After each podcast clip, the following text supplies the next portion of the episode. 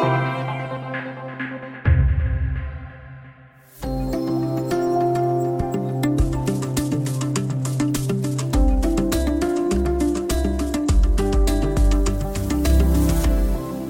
Efter Brexit får Tyskland troligen en ännu mer framträdande plats i EU.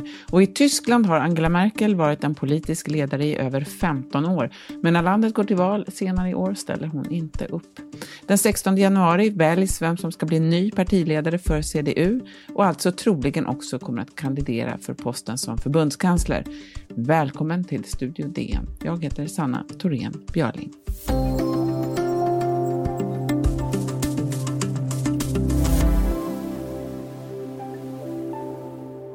Angela Merkel är fysikern från före detta Östtyskland som av många betraktas som Europas ryggrad och moraliska röst. Hennes popularitet har varierat i Tyskland. Ibland tycks tyskarna älska Merkel, ibland tycks de vara lite trötta på henne. När hon nu slutar är det ändå med flaggan i topp. Men vad händer nu? Om det ska vi prata med DNs Tysklands korrespondent Lovisa Herold. Välkommen! Tack! Ja, varför slutar Angela Merkel? Ja, som du nämnde så är det ju ändå 15 år, snart 16, eh, som hon har suttit på den här posten. Men det som kanske är svårt att komma ihåg nu under pandemin när hon har blivit populär och syns mycket, det var att det var, gick inte helt bra för eh, Merkel och CDU 2019. Eh, det började väl egentligen kan man säga 2015 med Angela Merkels flyktingpolitik som var populär bland vissa i partiet och mindre populär bland andra. Sen efterträddes hon som partiledare av Annegret Kramp-Karrenbauer, som även kallades AKK, som inte lyckades ena den här splittringen och populariteten för partiet sjönk. Och i samband med det så meddelade Angela Merkel att hon inte kommer att ställa upp en gång till. Precis. Och den som tar över partiet nu eh, så hoppas ju också då på att bli nästa förbundskansler då eftersom eh, det är val i Tyskland i september. Vilka utmaningar väntar då eh, Merkels efterträdare?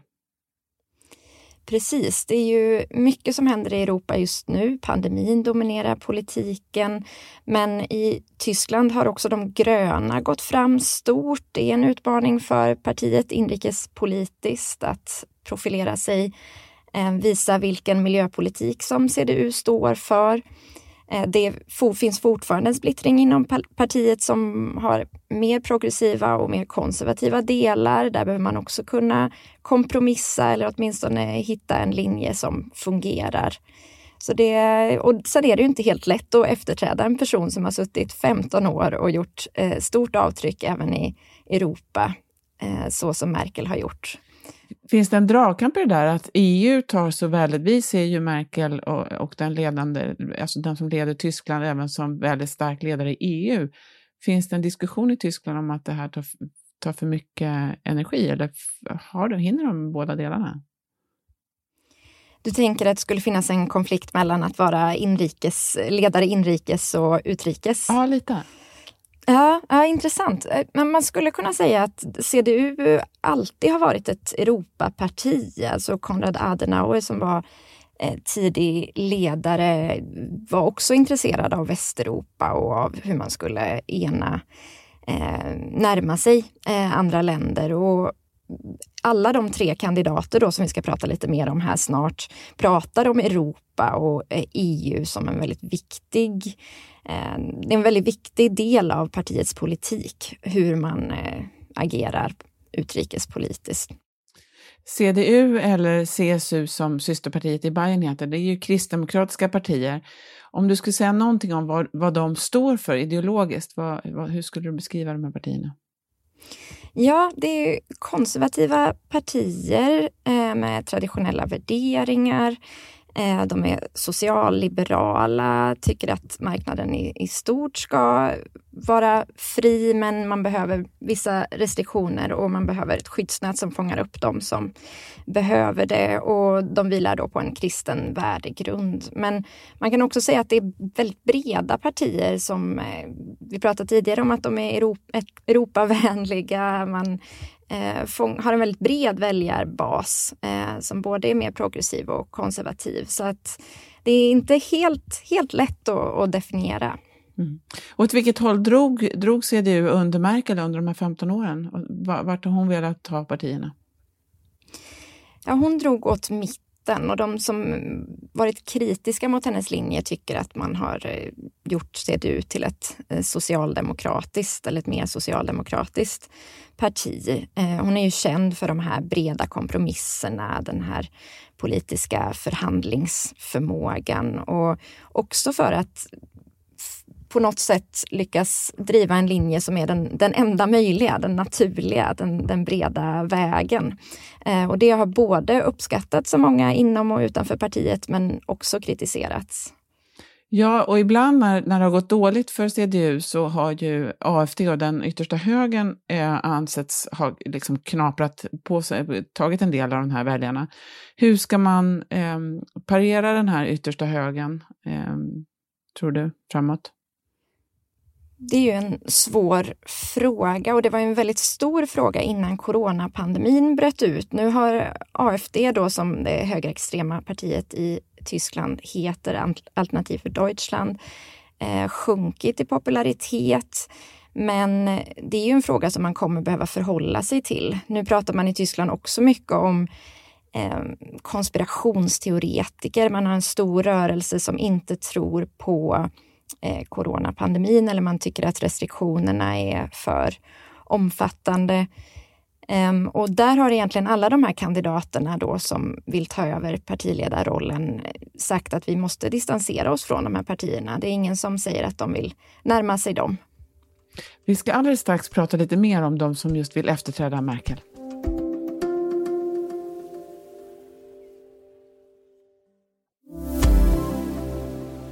Ich stehe für ein klares Modernisierungsprofil. Die CDU muss weiblicher, jünger. Ich bringe mit Regierungserfahrung, Leitung eines großen Landes, Ausgleich zwischen unterschiedlichen Interessen. Vor großen Aufgaben, aber wir stehen auch auf einem festen Fundament dessen, was in den letzten Jahren erreicht wurde.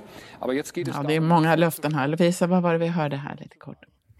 Ja, här hörde vi de tre kandidaterna om partiledarrollen. Det är alltså nu på lördag som eh, en ny partiledare ska utses då efter den kortlivade Annegret Kramp-Karrenbauer.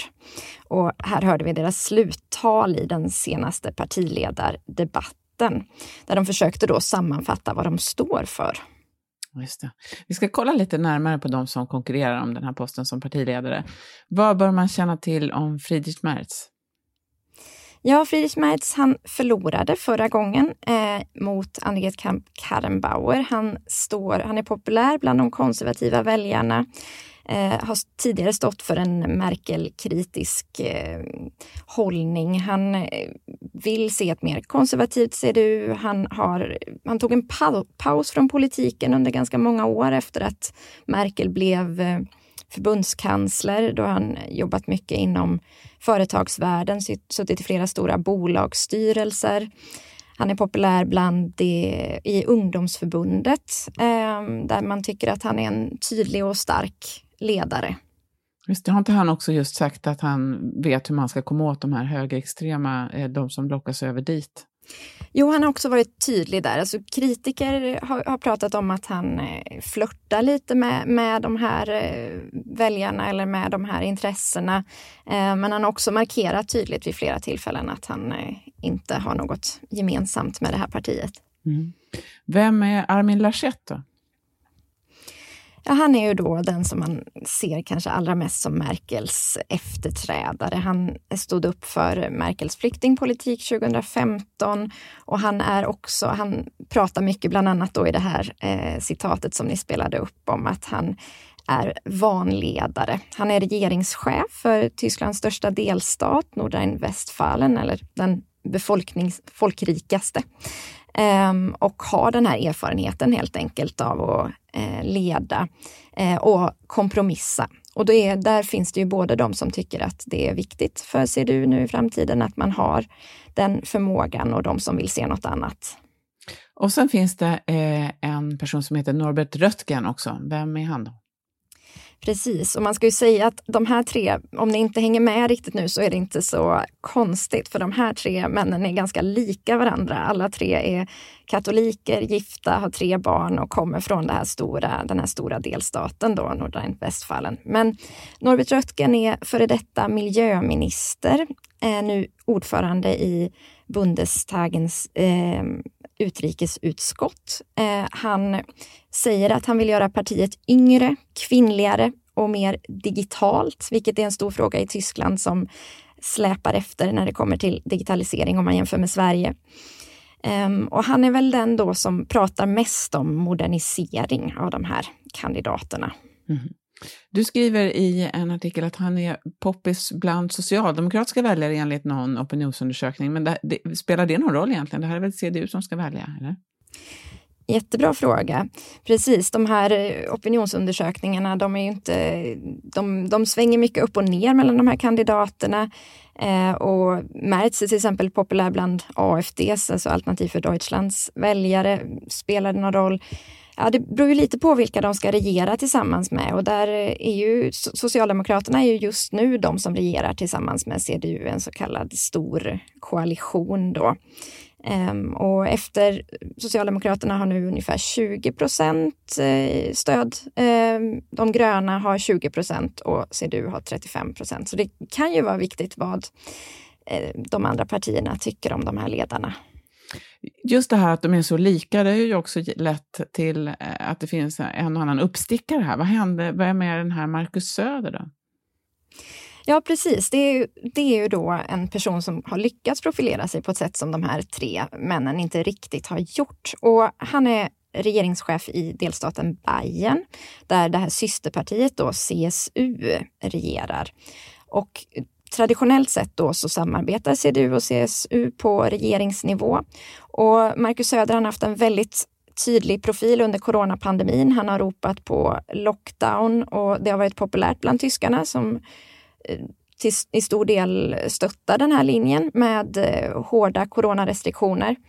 Ehm, och han har sagt själv att han inte vill ställa upp och kandidera till förbundskansler eh, rollen, men eh, det är inte så många som tror på att det stämmer. Så det är idel herrar här då. Eh, Ann-Margret Kramp-Karrenbauer som ju var partiledare under en tid då. Vad hände med henne?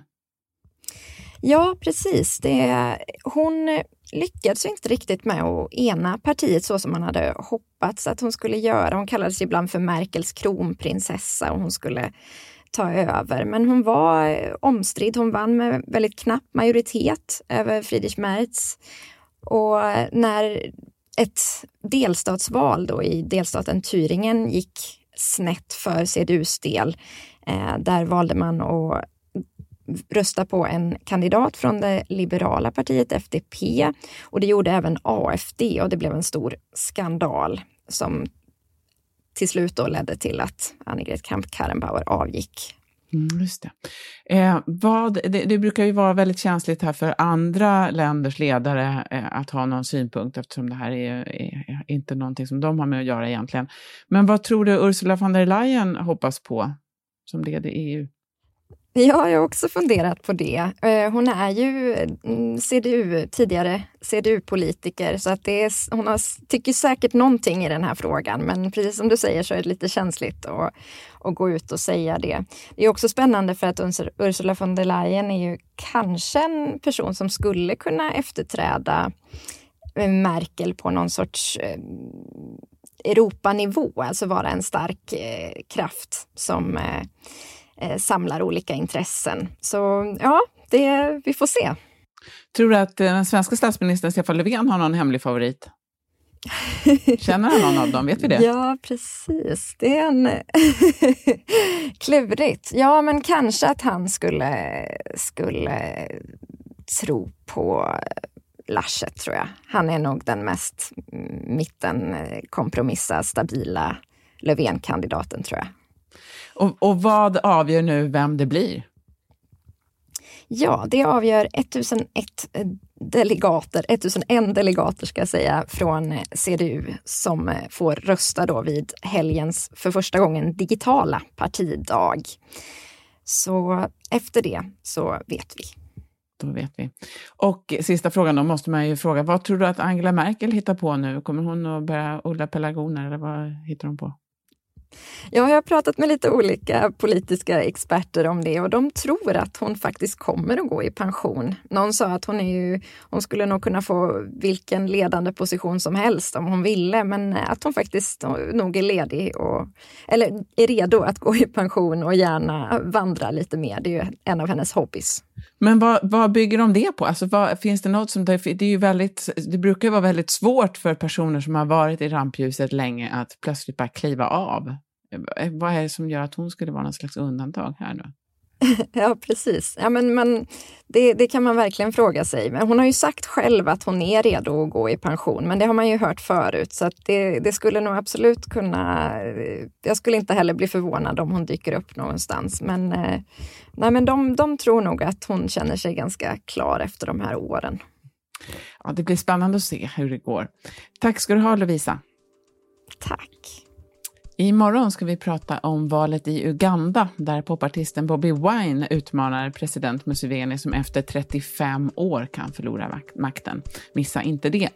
Studio DN görs för Podplay av producent Sabina Marmelakai, exekutiv producent Augustin Erba, ljudtekniker Patrik Miesenberger och teknik Jonas Lindskog, Bauer Media. Jag heter Sanna Thorén Björling.